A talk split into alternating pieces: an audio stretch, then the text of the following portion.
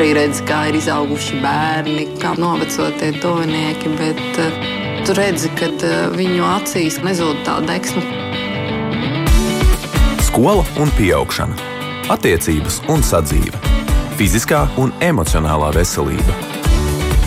Par šo un daudz ko citu raidījumā ģimenes studija. Labdien! Saskaņā ar starptautiskā lasīt prasmes novērtēšanas pētījumu pirls datiem optimāls vecums, kad ir jāsāk mācīties lasīt, ir četri gadi. Tiem bērniem, kur sākuši mācīties lasīt tikai piecu gadu vecumā, sākuma skolā ir zemāks sasnieguma mācībās, vēl zemāks sasniegumi ir tiem, kur sākuši mācīties lasīt sešu vai septiņu gadu vecumā.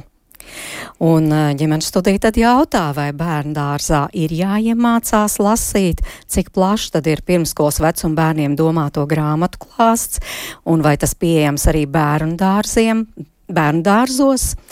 Uh, un jautājums uzdod uh, mūsu raidījuma producents Armīta Kolāte, Mērķis Notiņa, meklēšu atbildes sadarbojoties ar studijas viešņām Rīgas 49. pirmskolas izglītības iestādes vadītāju Vinetu Jonīti. Labdien, ģimenes studijā! Latvijas Universitātes izglītības zinātņu un psiholoģijas fakultātes pirmskolas un sākumskolas nodaļas lektori Inesi Eglīti. Labdien! Labdien arī Rīgas centrālās bibliotekas filiāla bibliotekas vidzem galvenajai bibliotekārei Daigai Trakinai. Labdien! Un arī vecāku organizācijas mamām un tētiem LV vadītājai Ingai Akmentiņai Smildziņai. Sveicināti! Tiešām paldies, ka esat šeit studijā, bet vispirms vēršos pie Vinetas. Tātad, Tā jūsu praksa arī ir tāda, ka labākais vecums, kad sākt bērnam mācīt lasīt, ir četri gadi labākā praksa, kad sākt, būtu brīdis, kad mamma un tētis saprot, ka tas bērns viņam atsaucās un viņam interesē. Citam tas ir absolūti mazs vecums. Bet, ja runājam par to, kas rakstīts programmās, norādājis metodiskos ieteikumos, tad šobrīd arī četri jau ir starp posms starp to, vai bērns lasa, vai tas ir pirms lasīšanas stadijā, vai viņam tiek motivēta un pamatota šī vēlme vidē. Es atbildētu, protams, varētu par Rīgu. Visticamāk, pat konkrēti par iestādi un uz jūsu uzdoto jautājumu, visticamāk, ka mazuļi ir spējīgi atrast saikni starp lasīšanu. Es piesauktu arī uzreiz rakstīšanu, jo reizēm tas ir absolūti paralēls process, kā vilciena sliedes. Tad, kad šī interese par to, ko es spēju izdarīt ar grāmatu, rakstīto vārdu, ar to, ko kāds man ir sagatavojis un materiālu, tas ir ļoti, ļoti svarīgi. Mm -hmm. un, un bērnu dārzā šobrīd es nedomāju, ka būtu jābūt bažām par to, ka mums nav grāmatu. Mums nav materiālu, un mums nav visa tā, ko mēs paši varam radīt, lai bērnā šo vēlmi un gribēšanu atbalstītu. Par to mēs noteikti parunāsim, bet tā tad ir jāiemācās lasīt, beidzot bērnu dārzu. Absolūti, šobrīd tas ir ceļš, beidzot bērnu dārzu. Tas nav kaut kāds notikums, tā ir tikai mācību iestādes maiņa un mācību procesa turpināšana. Tur, kur bērniņš šajā ceļā ir, tādu viņu būtu jāpaņem pretīm un viņš jāatbalsta. Pirms abecas, abecas periods vai pēc abecas periodā, ja mēs runājam zinātniskā valodā, viņš ir tur, kur viņš ir. Un jo mēs viņu vairāk mēģināsim pagrūst un pabīdīt mākslīgā veidā, nevis viņu vēlmes stimulācijas atbalstā, tikai tad, tā kā principā, es, es tomēr mēģinātu palikt pie pārliecības, ka bērni aiziet lasoši bet vai viņš saprot to, ko viņš ir izlasījis tajā brīdī, tas varbūt ir pats pats noteicošākais. Un tās ir divas absolūti dažādas lietas. Inese, ko jūs te vēl varētu papildināt? Uh, es laikam vairāk varētu papildināt no mammas skatījuma, jo uh, ar caur grāmatu, nu, tā mana uh, būtība par grāmatu ir tieši kā mammai, jo manas abas meitas aizgāja lasošas uz skolu. Un ne jau tāpēc, ka es sēdēju katru vakaru un cītīgi mācīju burtus un lasīt, bet mums tā vide gan pirms skolā, gan mums mājās. Mums bija mums joprojām ir ļoti daudz grāmatu, atbilstoši visām, visiem, visām viņu interesēm un, un tam, tam arī tam tā laika vecuma posmam. Un uh, man meitas ir aizgājušas brīnišķīgi lasošas uh, ar izpratni uh, par šīm te lietām, un uh, te atkal ir tas izaicinājums tālāk skolotājam, kā tad strādāt tajā pirmajā klasē, kur viens lasa brīnišķīgi, otrs ir tikai ceļā, un trešais varbūt nelas nemaz. Un tas atkal tā, tā, tas trakais vārds, ja, ja tā var teikt, diferenciācija.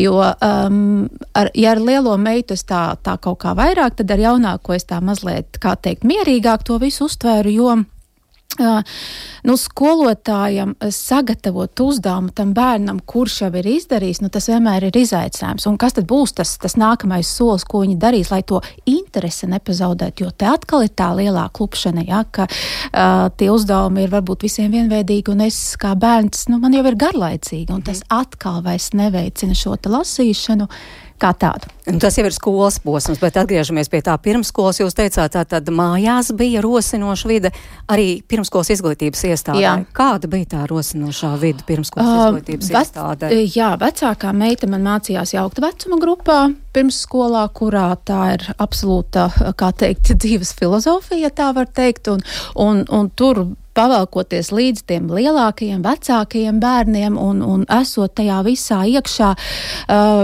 tur mums problēma nebija. Jaunākā meita gāja bērndārzā, kur visi bērni bija viena vecuma, bet, nu, es te jāsaka tā, ka mums bija ārkārtīgi fantastisks skolotājs gan vienā, gan otrā pirmsskolā, kas um, saprotiet, eh, pirmsskolā jau nav tikai mans mērķis, kā mamma, lai mans bērns rēķina vai lasa.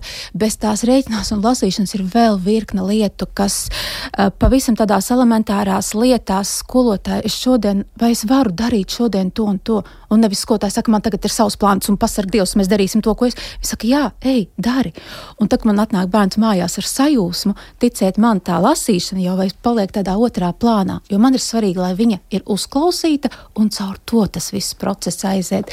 Tā kā es šobrīd vairāk skatos uz to, ka um, priecājos par tiem mūsu atsaucīgiem skolotājiem, kas mēģina darīt, kas mēģina tos bērnus sadzirdēt, un tad aiziet viss pārējais, par ko tā trauksme vecākam mēdz būt. Nu, Inesai, tā ir tā brīnišķīgā pieredze Inga, un tomēr es atkal par to starptautisko lasīt prasmes pētījumu pirlis, un tur tiešām bija tāds zināms šoks.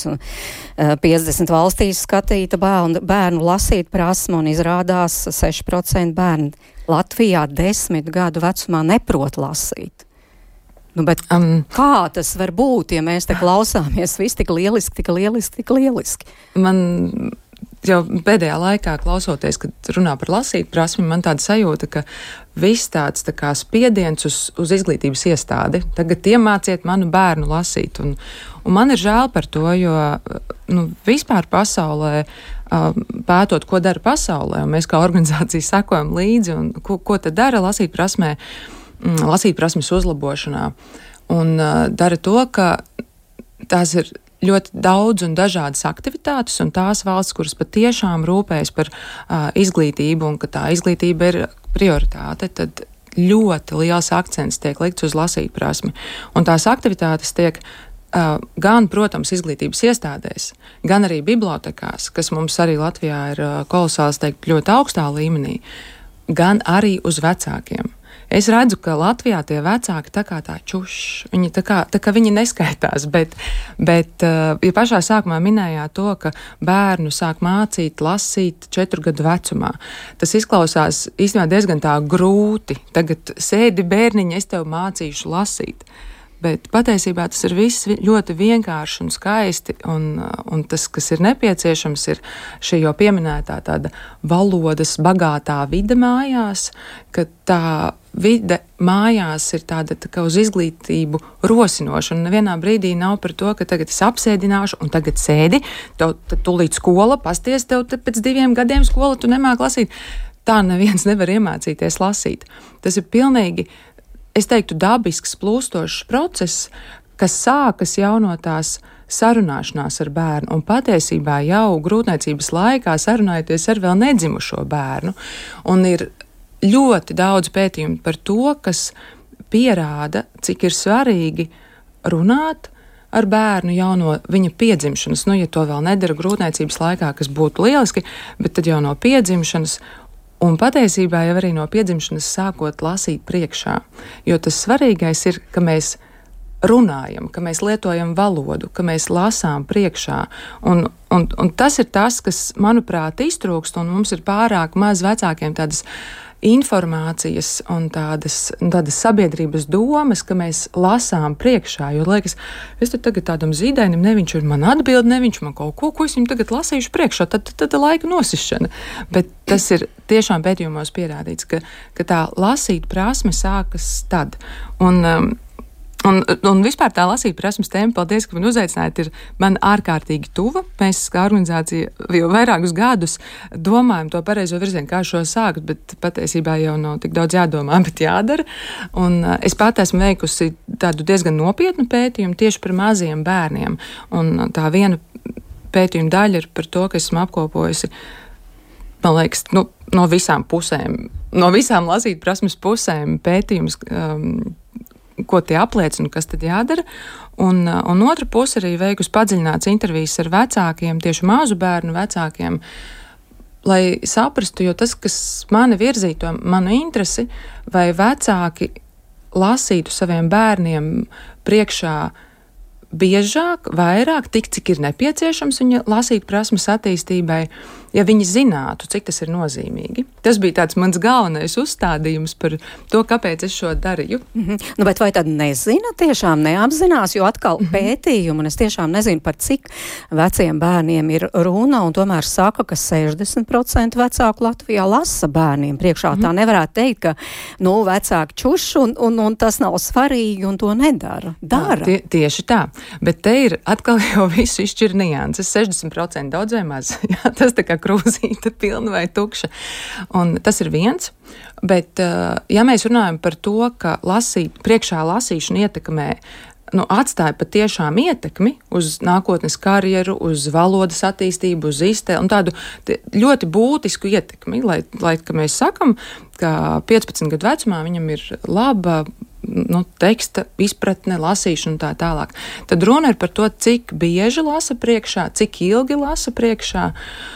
Un tam, tam ir tāda nozīme. Un es uzreiz varu atbildēt, tas, ko rāda pētījumi, ka vajadzētu bērnam dienā priekšā lasīt aptuveni 15-20 minūtes un trīs reizes nedēļā.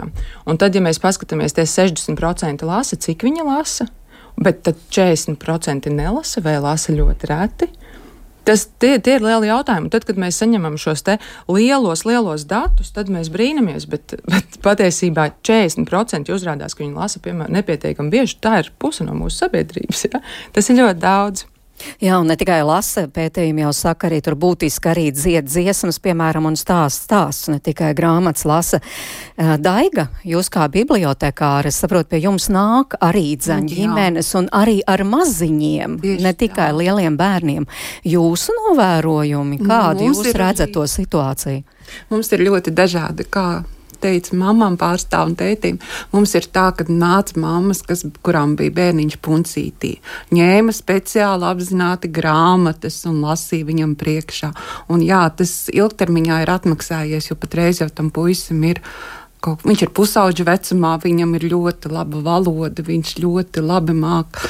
Nu, praktiski viņš, viņa, kā mamma teica, salīdzinot ar vecāko brāli, viņam attīstība ir krietni, krietni labāk. Ja. Tas ir tas puisīts, ko jūs vērojāt. Jā, redzējāt, viņš ir no mums. Nāca, viņa mamma nāca, kad viņš bija vēl puncītī. Jā. Un tagad jau viņš ir. 11. Ja es neatceros, cik tieši gadi. Tad mums ir, protams, vairākas mammas. Jaunāko, ko mums pierakstīja, bija divi mēneši. No tad jau mēs arī esam izauguši līdz desmit gadiem, un, un viņš arī ļoti labi pats lasa. Uh, Nu, teiksim tā, tā kā mums ir biblioteka, kura ir speciāla bērnu nodeļa, mums ir pasaka istaba, mums ir daudz ģimenes, kas nāk pie mums lasa. Teiksim, ir tāda atsevišķa grupa, kas nāk sestdienās, tēti dod mamām brīvdienas, un viņi gan arī visu dienu pavada pie mums, spēlējās, lasa. Mums ir arī ģimeņu dienas, kad nāk visas ģimenes darboties. Mums ir priekšā lasīšanas dienas, ja, kad mēs lasām.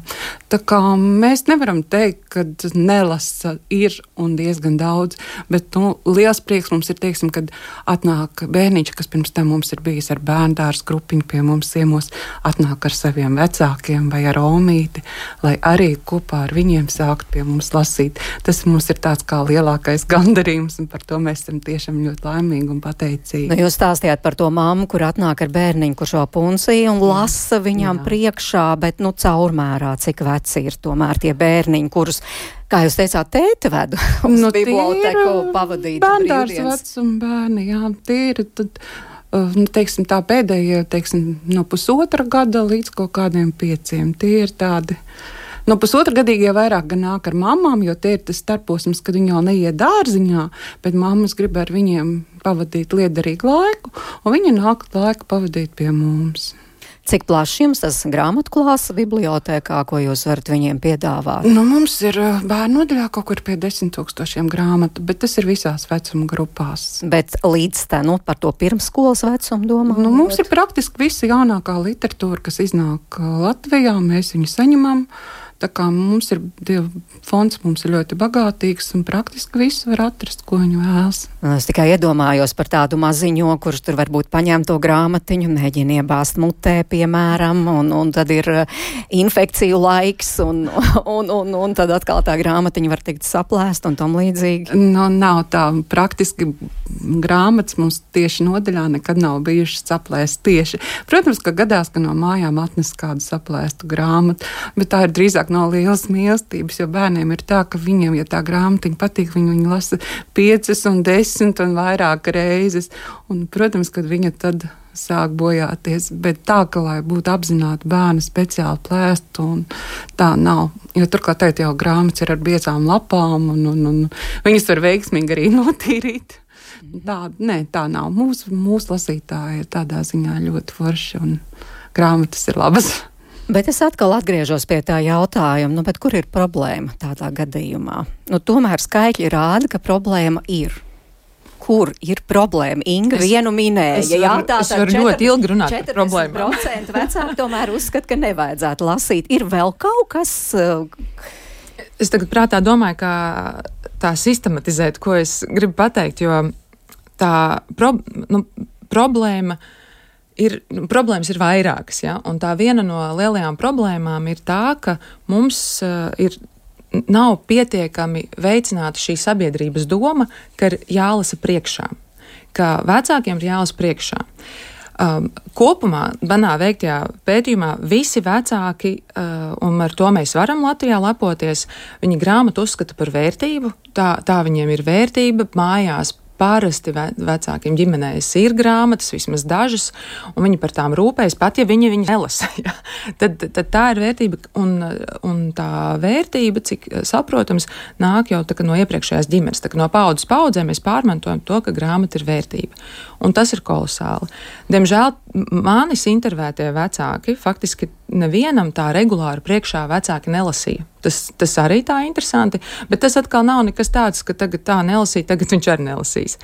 Bet tas, ko es pati sev secināju, ka jā, vecāki pa, pārsvarā pamatā zina tos lielos ieguvumus, eh, ko tad eh, veicina tā lasīt prasme, bet nesasaista tik daudz to ar nākotnes izglītību, ja, tik, tik tālu vecāki parasti nedomā. Uh, bet ir viena kopīga iezīme. Vecāki nu, faktiski sāk lasīt priekšā vēlāk nekā būtu vispār jāsāk lasīt. O, jūs jau pieminējāt par bibliotekas vidēju apmeklētāju, nu, bērnu nodaļā tie ir 3, 4 gadi.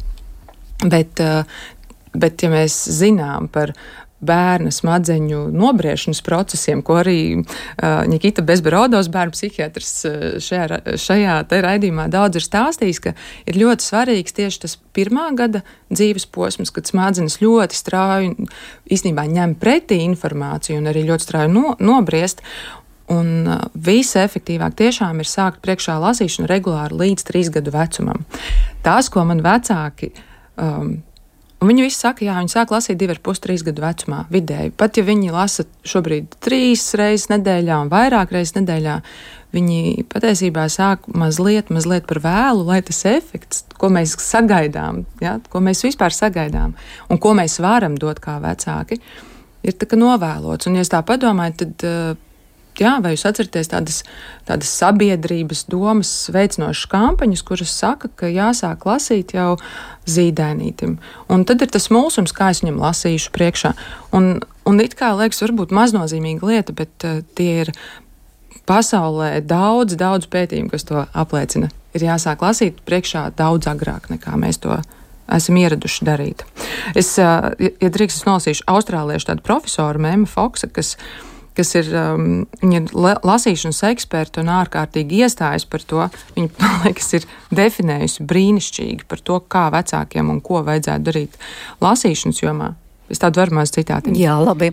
Ja vecāki savam bērnam no dzimšanas līdz skolas gaitu sākšanai lasīs priekšā 10-15 minūtes katru dienu, vecāki neatgriezeniski mainīs bērnu dzīvi trīs dažādos līmeņos. Pirmkārt, vecāki savus bērnus padarīs ļoti gudrus. Otrakārt, vecākiem ar bērniem veidosies brīnišķīga savstarpēja pieķeršanās, kas ir ļoti svarīga bērna emocionālajai attīstībai un dvēseles mieram kā bērnībā, tā pieaugušā vecumā. Treškārt, daudz no šiem bērniem iemācīsies lasīt bez nevienas lasīšanas nodarbības.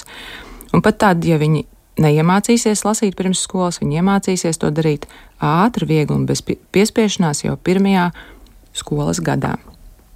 Es uh, gribu arī pie, piemetināt, ko raksta mūsu klausītāji. Nu, piemēram, Lelda raksta bērnam lasu priekšā gan bērnu dārza vecumā, gan arī tagad, kad puika jau ir skolnieks. Iespējams tādēļ arī jau agri dēls iemācījās lasīt, tomēr lielākais uzrāviens lasīt prasmē bija 4,5 gados, kad mīļākā grāmata bija Pasaules atlants ar krāsainiem karodziņiem, gan pilsētu, gan valsts nosaukumi.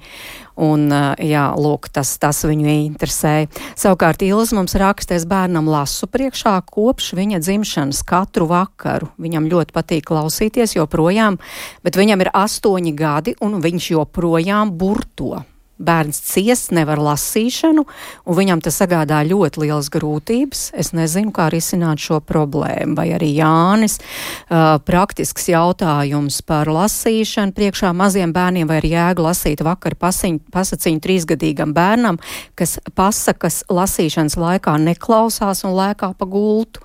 Nu, lūk, it kā apzinīgie vecāki, kuri lasa, tomēr ļoti dažāda tā pieredze. Vinet, jūs kā pedagogs, ko jūs atbildētu? Es droši vien tāpat kā Ines atsaukšos uz savu pieredzi. Es arī tad, kad gāju bērnārsā pēdējā grupā, biju tā meitene, kas lasa. Bet lasa un nesaprot. Un vienmēr pirms pusdienas laika man bija jālasa visiem priekšā. Es varēju perfekti nolasīt šo pasaku.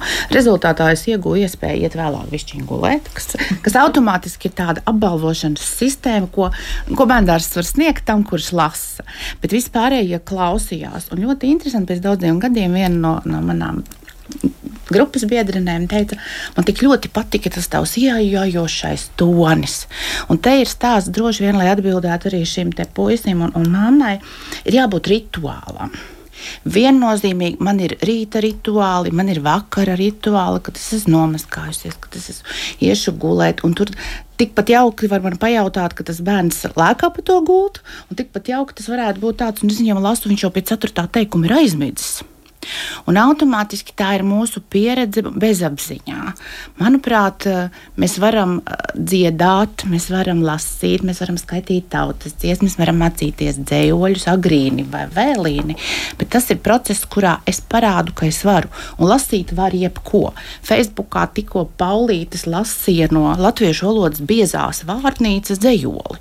Un atšķīras pirmās trīs lapus, viņš paziņo, o, šī tā dzējoļa nav. Es domāju, kas tagad notiks? Es taču redzu, kas tur virsū rakstīts tajā lielajā vārnīcā. Viņš atšķir beigas, saka, oh, re, kur ir dzējos, un stāsta un lasa, lasa to, ko viņš ir gribējis. Ja šeit mēs mākam pielikt ritualizētas lietas, tad droši vien, kad ja mēs vēsturiski skatāmies uz atpakaļ, tās mūsu vecmāmiņas, kas mums lasīja priekšā, kur bērni ir Nu, droši vien nu, jau manas paudzes mācīja sniegt baltītas skolu no galvas, jeb, jeb sarkanu galvīti, lasīt un ar mīmiku un vispār. Tas ir ieguldījums bērnā. Te ir ļoti pareizs skatījums uz pašu stāstu. Ja es zinu, ka mana mamma atliks visu malā un pie manis kā pie bērna versīsies un lasīs priekšā, jo lasīt var daudz ko. Lasīt var pasakas, lasīt var dzēju, bet tikpat veiksmīgi var lasīt arī ģimenes fotoalbumu. Un vienā dienā viņš pats būs tas, kurš gribēs izlasīt un, un, un noturēt. Kāpēc lēkāt? Pamēģiniet vienreiz palēkāt viņam līdzi gultā. Vai to pasaku varbūt nelasi, varbūt lasi no galvas, varbūt stāsti, varbūt izstāsti pats savu dzīves stāstu un piedzīvojumus, kas tev ir stimulējuši šī lasīšana, ko tas dod. Un tad arī mēs atgriezīsimies pie to grāmatu daudzumu un dažādības, un cik ļoti bērnam var būt svarīgi saprast manas bērnības grāmatas, palasīt priekšā Omītas bērnības grāmatas vai vectētiņu un vecmāmiņus. Un tas to nevar nomainīt. Tā ģimene ir ārkārtīgi liels spēlētājs šajā mm -hmm. laukā. Bērndārs, skola un ģimene. Mm -hmm. Otrādi ģimene. ģimene. Jā, ģimene. jā, un tur varbūt Inês vēl klāt tas stāsts, kā te Vineta teica, jā, ka arī pa, parunāt par vecmāmiņu un kaut kā tādā veidā ieinteresēt? Uh, es domāju, ka noteikti, ka jā. Es šodien arī tā, kā teikt, pieturēties, paņēmu trīs grāmatas līdzi. Man, uh, nu, es varētu tādā nogrieznī skatīties. Um, Mana vecākā meita, kurai ir 18, jaunākā, kurai ir 11, un man ir krustdēls, kuram ir 9 mēneši. Un uh, es pa laikam tieši pie šīm pirmajām grāmatām, nu, tādā secībā arī nonāku. Un īsnībā ir jāsaka, ka pie šiem nu, nosacīt 18 gadiem grāmatas ir vizuāli mainījušās. Nebūtiski, bet ir, ir nianses. Un, ja, piemēram, skatās tās grāmatas, kas ir šobrīd, ja šī ir nu, viena no pēdējām grāmatām, kur iekšā ir tāds burvju lukturītis, kur tu spīdini un kurš tur meklē tos apslēptos dzīvniekus, tas jau ir tāds valodas stimulators. Jo tajā brīdī, kad bērnam ir kaut kas rokās, grāmatās, viņš ir centrēts domāt par to, kas ir nu, šajā gadījumā, šajā grāmatā. Ja? Un varbūt to lēkāšanu mēs varam aizstāt, lūk, re, kur ir tas burbuļu rīks, skaties, kas tajā grāmatā ir, meklēt tos risinājumus, kāpēc. Um, bērns, ejot gulēt, būt, grib tik, būt tik aktīvs. Ja? Un, un es viennozīmīgi piekritīšu vienats teiktiem, ka šie rituāli ir svarīgi. Un vēl runājot par grāmatām, ko arī Inga teica, lasīš, lasīšana sākas vecāku klēpī. Tas ir gan, uh, kad mamma gaida šo mazulīti, gan arī tad, kad es viņu paņemu un mēs kopā šo grāmatu skatāmies. Un varbūt tas, tas, tas ir jautājums par tām bilžu grāmatām un par tām pirmajām grāmatām, jo šīs grāmatas, nu, viņas nenes tādu um, varbūt vērtību, tur meklēt dziļu domu un skaidrot tēlu rīcību, kāpēc tur tā darīja. Te ir vairāk šis ilustratīvais materiāls, nosaukt, raksturot. Tas ir īstenībā viss pamats vārdu krājumam, jo uh, mēs tā ļoti daudz uz to lasīt prasmi, bet ir jāpatur prātā, ka lasīt prasmē ir pirms lasīt prasmes ir prasme klausīties. Tātad, ko es dzirdu, ko lasa, teiksim, vecāki vai skolotāji pirmsskolā, tad ir runa, un tad ir lasīt un rakstīt. Ja? Tā pēctecīgi izējām cauri. Un, ja mēs kā vecāki arī pēctecīgi ar savu bērnu runāsim, es domāju, mēs līdz tai lasīt prasmei, mums pat ar to nebūs īsti nekādas problēmas. Jo Runājot par tādu jaunāko bērnu, mums ir māsīca, bija, mums tie bērni ir tā gandrīz viena vecuma, plus mīnus. Mums bija tāda atruna, ja tev ar savu bērnu nav par ko runāt, nu viņš ir zīdainis, nu skaita alfabētu, lai viņš dzird skaņas, ja? lai ir tā, tava mammas valoda tiek sadzirdēta. Un lūk, un te varbūt tā problēma ir jāmeklē tajā, ka mēs ļoti maz runājam par, ar saviem bērniem, un tā runāšana ir tas pats, vai es skatos vakarā albumu vai es lasu grāmatu. Tas ir mans dzīves stāsts. Cik īstenībā šobrīd tie mūsu bērni, nu tādā skolas vecumā, var izstāstīt, piemēram, vecāka blēņu no skolas laikiem piemēram, tā ir stāstīt prasme, vai anekdoti, kas arī ir stāstīt prasme. Cik tad mums ir? Ja? Lūk, un te varbūt arī mēs kā skolotāji varam šos te tā radoši pieeja šim procesam atnāc un izstāsti, ka, jo man tas bija nodarbībā. E, es arī esmu, Latvi, esmu latviešu valodas un literatūras skolotāja, un bērniem bija jāizstāsta vecāku blēņas. Man puisis viens rāvās pirmais būt, kurš gribēja izstāstīt, ko tas tētis tajā skolā bija darījis. Tā kā Tā kā te, es domāju, tāds pieeja jādomā un jārunā. Ļoti daudz ar bērniem jārunā par jebko. Jā, pais atgādināšu mūsu klausītājiem. Tātad šodien pie mums studijā ir Ines Eglīte no Latvijas Universitātes izglītības zinātnes un psiholoģijas fakultātes, Vineta Jonīt no Rīgas 49. pirmskolas izglītības iestādes Daiga Trakina no Rīgas centrālās bibliotēkas un Inga Akmentiņa Smildziņa no vecāku organizācijas mamām un tētiem LV. Un Un te mums tāds pārmetums mazliet vai tāda skumja, skumja balss no klausītāja puses, ka izskanējis nu, tāds kā pārmetums uh, tai mammai uh, par viņa slēnu lasošo astoņgadīgu, ka, ka, ka mamma visticamāk dara kaut ko nepareizi, nepietiekami.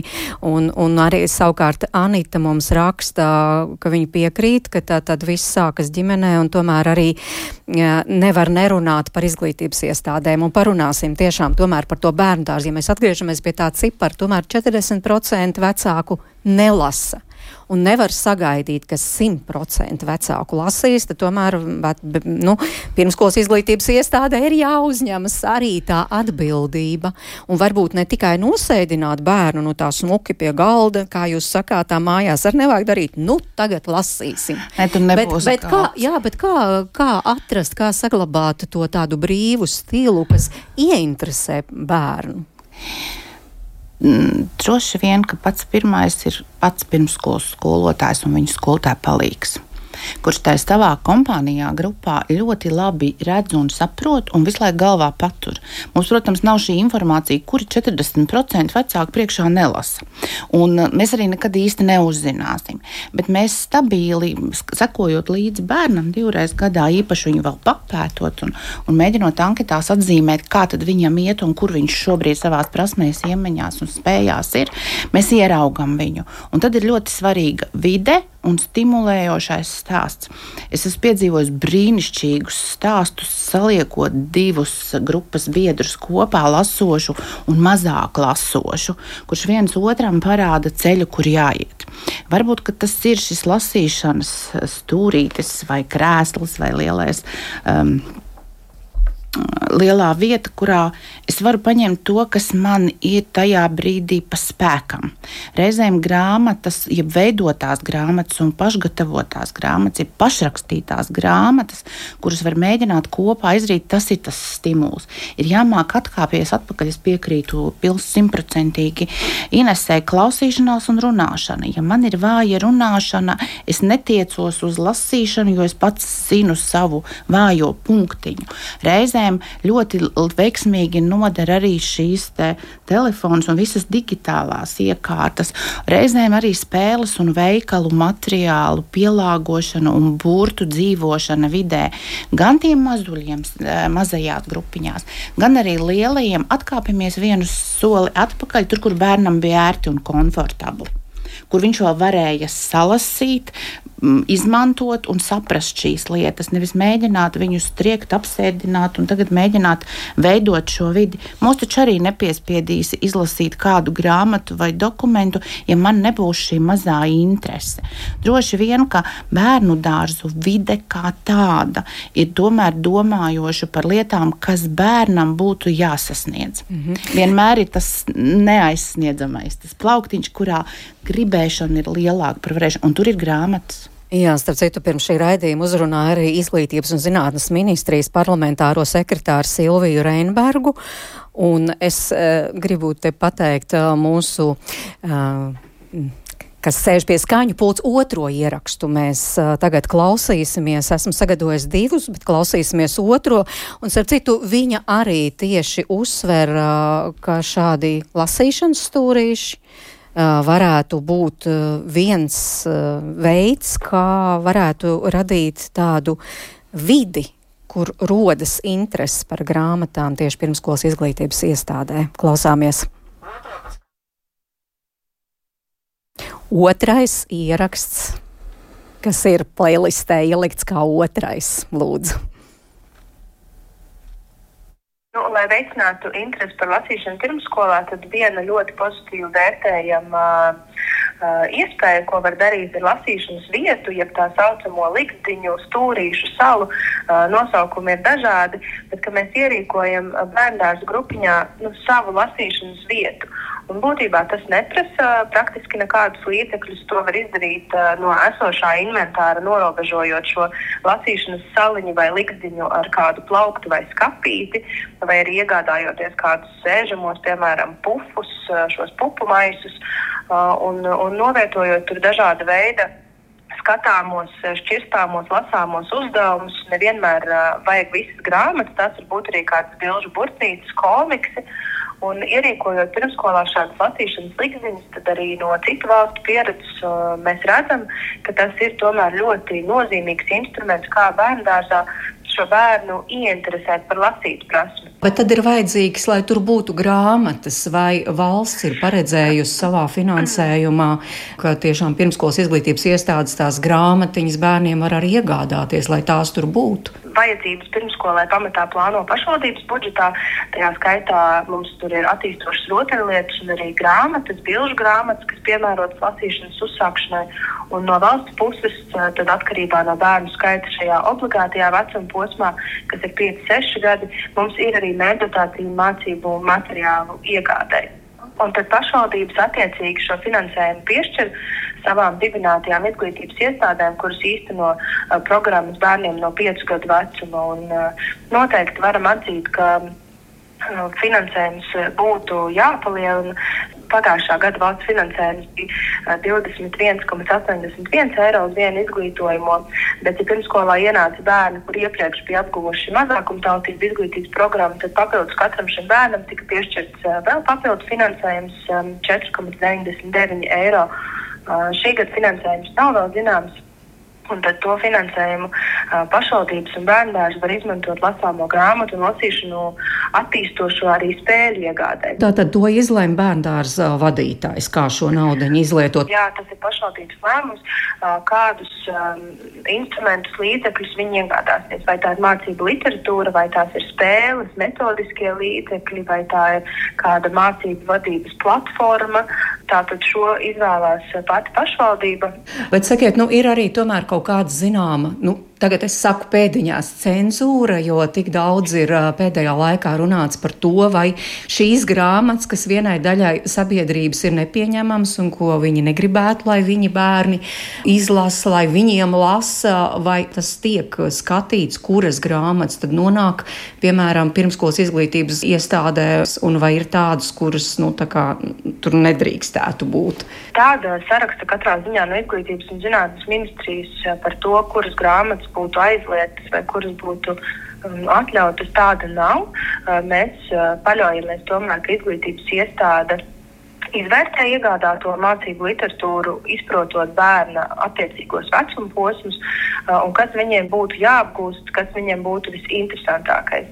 Šobrīd indikāciju par kādām tiešām ļoti um, nepatīkamām grāmatām tieši bērnu grupiņās no vecākiem vai audzinātājiem mums šādas ziņas nav pienākušas. Uh, attiecīgi, neesam vēl reaģējuši tādām situācijām, taču kopumā mēs paļaujamies uz to, ka pašvaldības uh, sadalot šo finansējumu attiecīgi savām izglītības iestādēm, tomēr ievēro tādas ētiskas robežas un principus, ka tās iegādātās grāmatas ir tiešām maksimāli plašam bērnu lokam, lai katrs var tur ieraudzīt sev kaut ko interesantu un būt viennozīmīgi vecumam atbilstošs. Nu, lūk, Izglītības un zinātnes ministrijas parlamentārā sekretāra Silvija Reinberga, un viņa sāka ar to, ka tiešām vajadzētu būt katrā bērndāzā, un es tā iedomājos, būtu labi, ja tur būtu tas stūrīts, kur tādu, nu, tā kā norobežot, tomēr bērns varētu paskatīties, palasīt, un tur būtu arī grāmatas. Bet, nu, Vinēt, piemēram, jūs konkrētajā bērndārzā dom, ir? Es tiecos domāt, ka katrā bērndārzā ir šāds stūrīts. Ja ne katrā grupā, tad pašā vidē kā tādā. Es pilnīgi piekrītu, mums ir šie finansējumi un dotācijas, un gudras izvēles rezultātā var nopirkt ļoti daudz grāmatu. Protams, ka tas ir sava veida budžeta organizācijas jautājums, bet eh, šobrīd ļoti veiksmīgi var izmantot arī savstarpēju grāmatu maiņu un vecāku ziedojumus grāmatu veidā.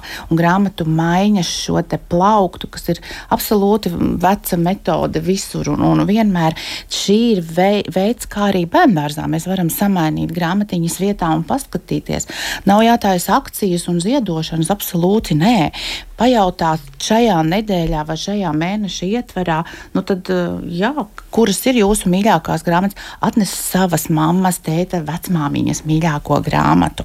Un tu redzēsi to attieksmi, ar kādu mīlestību tas bērns stāstīs par to, ja viņš būs saklausījis šo stāstu un ieraudzījis svešas grāmatas, un tieši tas ir tas stimulējošais moments. Bet tā mēs vecāki iesaistās. Vecāki, protams, ka iesaistās, un manuprāt, jebkurš vecāks pajautājot šobrīd mums neatsaka, un kur nu vēl jautājumā par grāmatu. Es domāju, ka grāmata tomēr ir tāda vērtība, un es paļaujos uz to, ka mūsu grāmatu plaukti arī bērndārzos, šīs bibliotekas un bērndārzu ilgtermiņa būšana par bērndārzu, ja viņu vēstures stāsts ir šo grāmatu uzkrājums, un zināt un redzēt, un iešana uz bibliotekām tieši tas pats ir, ir, ir stāsts par to, ka var, ka var un drīkst. Un varbūt, kad es vienā brīdī, kamēr klausījos sarunu, domāju par to, ka ne jau tikai grāmatu runā, arī pastkarte, arī piktogramma pa ceļam un arī bērndārza vidē piktogramma, kur apakšā kas ir rakstīts, tas stimulē lasīšanu. Un, manuprāt, ļoti veiksmīgs stāsts ir, mēs izmantojam ļoti daudz piktogrammu un stāstu savā pagalmā un bērndārzā. Un vasaras vidū mēs taisījām sēņu herbāriju, kas izklausās diezgan dīvaini, ka Rīgas centrā aug sēnes un raganu beku var taisīt kā herbāriju. Bet tas, ko bērni tur uzrakstīja, tur bija divi stāsti par to, ka citiem ļoti interesēja, ko tu tur uzrakstīji. Ka tas ir kātiņš vai puskātiņš vai puscepura vai cepura, un beigās tu sēņu šķēlē neatrod nosaukumu un ļauj tam bērnam gan vērīt, gan rakstīt, bet tiem pārējiem tas ir interesanti. Tieši tāpat kā piktogramma pie sēnes neaiz aiztiet šo sēni, mēs skatāmies, kā viņa aug. Jo katram jau gribās viņu pataustīt, pačamdīt, paspārdīt un visu pārējo, ko izdarīt. Un šī netiešā lasīšanas stimulēšana, jo nevajag ņemt pie sirds stāstu par to, ka es šodien nevaru, bet rīt es varēšu.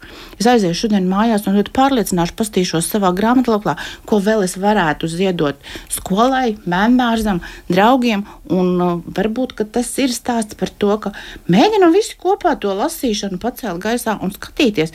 Ja 40% vecāku nelasa, tas nozīmē, ka 40% sabiedrības nelasa ģimenēs. Un tad jau šo paskatās, tad taisam lasīšanas mēnesi. Jūs taču nebūsiet nevienu man pret šobrīd.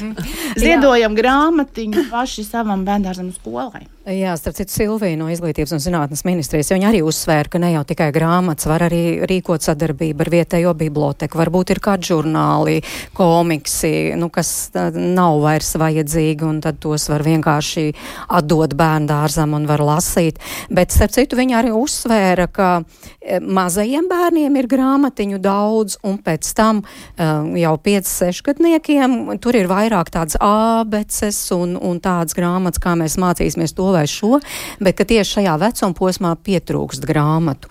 Kā jūs, Daiga, teiktu, vai tā ir vai tā nav? Es domāju, ka nē, grāmatu klāsts ir tagad tik ļoti plašs, ka tieši grūti izvēlēties, kur ir tā labākā un ieteicamākā, ko bērnam vajadzētu lasīt. Nē, grāmatas ir ļoti daudz un ļoti krāšņas, un par to gan mēs nevarētu sūdzēties. Nu, kā tad atrast to labāko un ieteicamāko bērnam? Katram bērnam tas ir savādāk. Desmit bērni to grāmatu atzīst par labu, un nāks tas vienpadsmitais, kas pateiks, ka šī grāmata nu, nekāda nav ne lasama, ne skatāma. Un tieši arī tāpēc, ja atnāk kāda grupiņa, teiksim, bērndārs grupiņa, mēs lasām to kopējo pasaku? Protams, vienmēr būs kāds bērns, kas to neustvers, kur neinteresēs, bet viņš tajā laikā pastaigās pa biblioteku un atradīs sev tieši to grāmatu, ko viņš šī brīdī grib paskatīties un palasīt. Jā. Līdz ar to grāmatu ir daudz, un katrs atradīs savu. Tikai ir jāmeklē. Mhm. Un to mēs varam visi kopā izdarīt. Ines, eh, jūs piekrītoši mājāt ar galvu. Eh, es viennozīmīgi piekrītu teiktiem, ka grāmatu ir ārkārtīgi daudz. Man vasarā bija viens projekts Latviešu valodas aģentūrā, tur tiesa gan bija pirmā, trešā klasa un ceturtā, sestā, bet es absolūti neizslēdzu šo pirmskolas posmu, jo tā mana izvēle krit uz pēdējiem desmit gadiem. Nu, ir ārkārtīgi grūti izvēlēties pēdējos desmit gadus, jo tur ir ārkārtīgi fantastiska bērnu literatūra. Un kas bija tas akcents, uz ko es šajā projektā liku to svarīgo domu, uz to, ka tie ir mūsdienu rakstnieki, tātad tie, kas šobrīd ir esoši. Un es domāju, ka pirmsskola vai biblioteka, kas aicina ciemos Luīsu Pastoru vai Inesi Zanderi, nu, To, tā ir absolūti pievienotā vērtība katrai grāmatai, jo rakstnieks ir tas cilvēks, vai uh, paturpinot Vinatas stāstu, ja es kā mamma redzu, man atnāk bērns uz stāstu, runājam par sēnēm. Es saku, meita, atceries, mums taču ir grāmata Māras Zālītes, Tanga un Tūtiņa sēnēs. Lūk, mēs esam izlasījuši nes uz dārziņu, lasiet kopā. Un tas viss, tas, tā, tas stāsts arī aiziet un šī. Um, Sāsaist ar literatūru te arī parādās. Tā kā es noteikti nepiekrītu, ka mums nav grāmatu. Mums ir varbūt tur tā izvēles iespēja, kura tad no tām visām ir vis, vispiemērotākā. Tas gan, jā, varbūt šāds saraksts arī pirmsskolā būtu jābūt. Nu, tāds, kā teikt, profesionāli, jā, kritiski izvērtēts, jā, lai būtu arī tā saruna par grāmatu, bet grāmatu ir ļoti daudz, un par to ir prieks.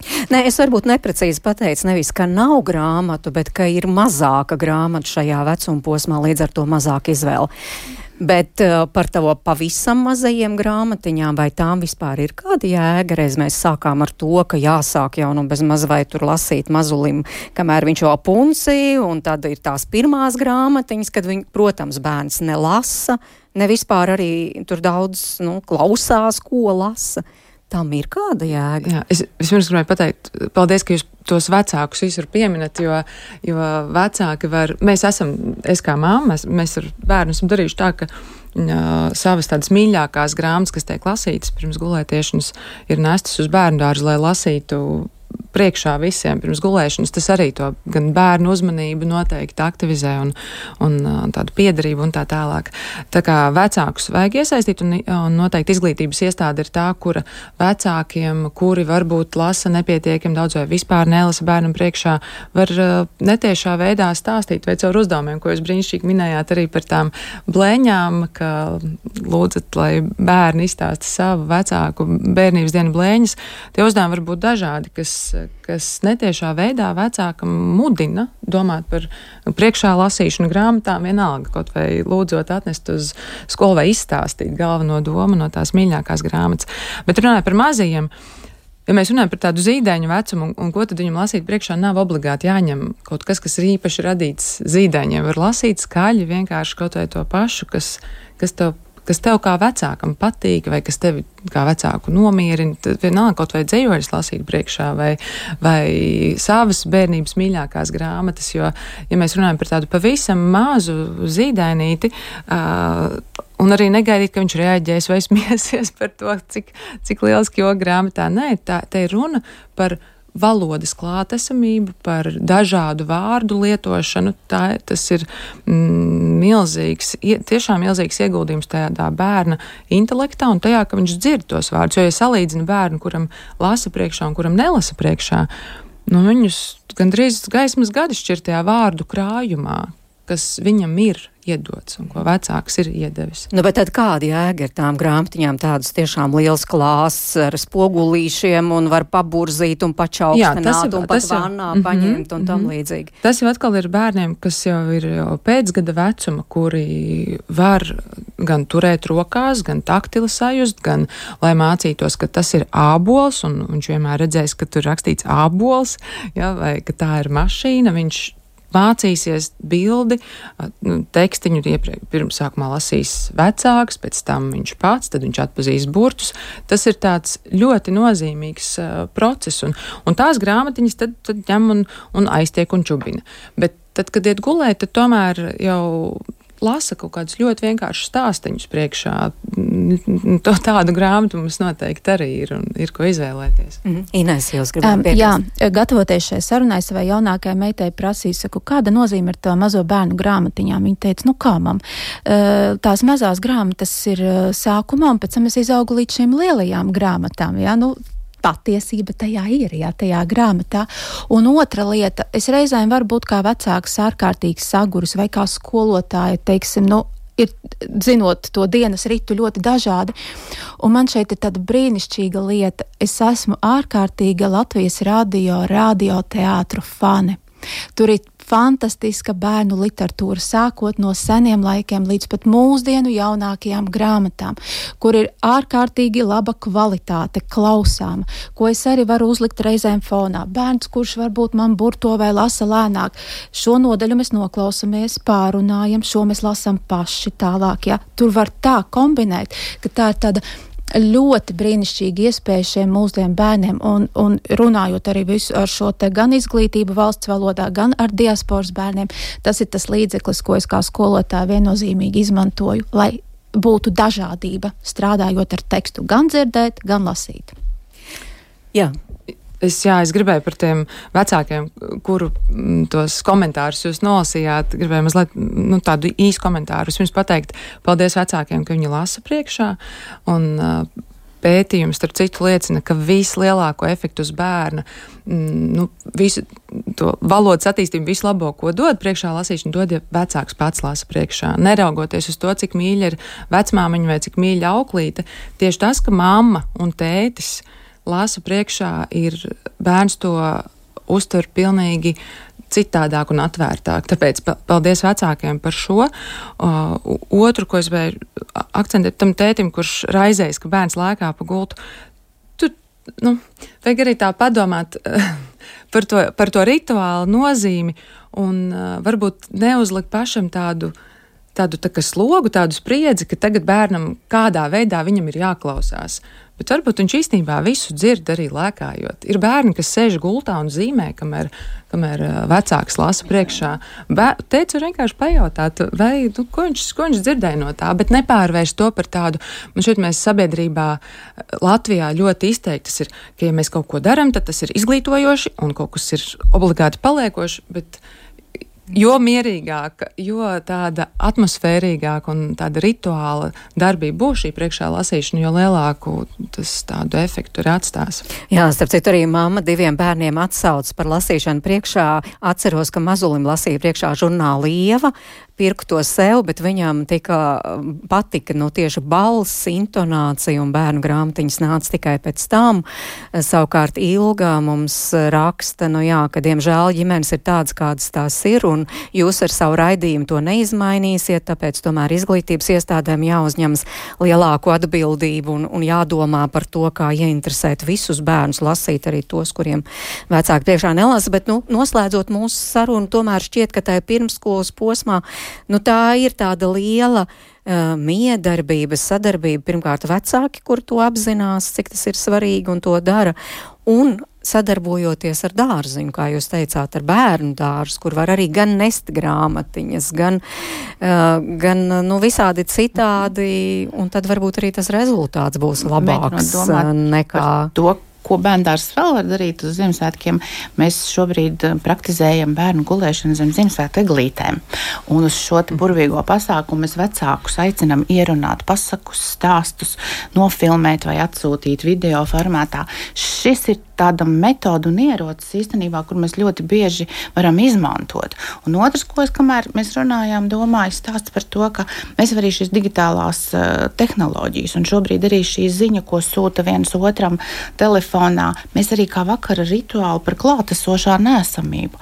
Jeb krustmeita, kad atbrauc ciemos un, un, un paliek pie manis pa nakti, kā pie krustmātes vai krustēva, viņa vecāki taču ar mums sazinās. Ja zini, ka neiet īsti labi ar lasīšanu, ļauj viņai pašai lasīt, stimulē tik tālu, ka tas var notikt par piedzīvojumu, lasīt kaut ko tādu, kas ir ārkārtīgi pieņemams. Arī šis ir ceļš, bet atpakaļ pie tām ierunātām pasakām un, un, un dzējām, man ļoti patika saņemt šos sūtījumus no vecākiem. Ar kādu mīlestību un ar kādu deksmi viņi izpildīja šo mūsu uzdevumu uzdevumu un atpakaļ eh, domājot, mēs varam sākt šodien. Mums nav jāatcerās, kas bija iepriekš. Ar šodienu šo raidījumu sākam lasīt un sākam izmantot tās mazās viltībiņas, ko mēs zinām, lai bērnam radītu šo spēju un vēlmi un vajadzību. Lai mums visiem izdodas, paldies par šo sarunu. Es saku Vinetai Jonītai, Ines Eglītai, Daigai Trakinai un Ingai Akmentiņai Smilciņai. Paldies, ka atradāt laiku, atnācāt šeit uz ģimenes studiju. Radījuma producents Armīta Kolāte, es Mārits Notiņš šeit pie mikrofona aicinu uz tikšanos rīt vien, kā vienmēr, 5 minūtes pār diviem mēs runāsim, vai un kāda nozīme ir izglītībai tieši ģimenes veidošanā. Par to tātad rīt tiekamies un lai jums laba diena!